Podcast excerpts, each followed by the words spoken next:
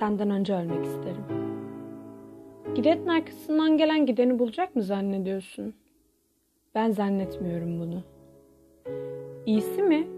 Beni yaktırırsın, odanda ocağın üstüne korsun, içinde bir kavanozun. Kavanoz camdan olsun. Şeffaf, beyaz camdan olsun ki içinde beni görebilesin. Fedakarlığımı anlıyorsun.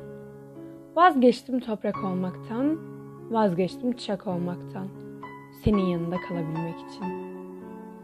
Ve toz oluyorum. Yaşıyorum yanında senin. Sonra sen de ölünce kavanozuma gelirsin. Ve orada beraber yaşarız.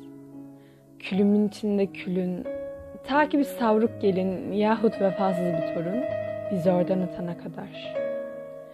Ama biz o zamana kadar o kadar karışacağız ki birbirimize. Atıldığımız çöplükte bile zerrelerimiz yan yana düşecek.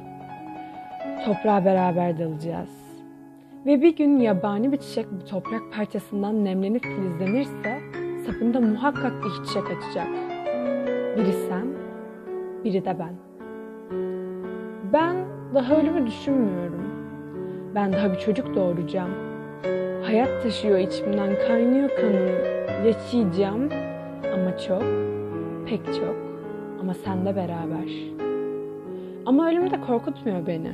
Yalnız pek sevimsiz buluyorum bizim cenaze şeklini. Ben ölünceye kadar da bu düzelir herhalde. Hapisten çıkmak ihtimalim var mı bugünlerde? İçimden bir şey. Belki diyor.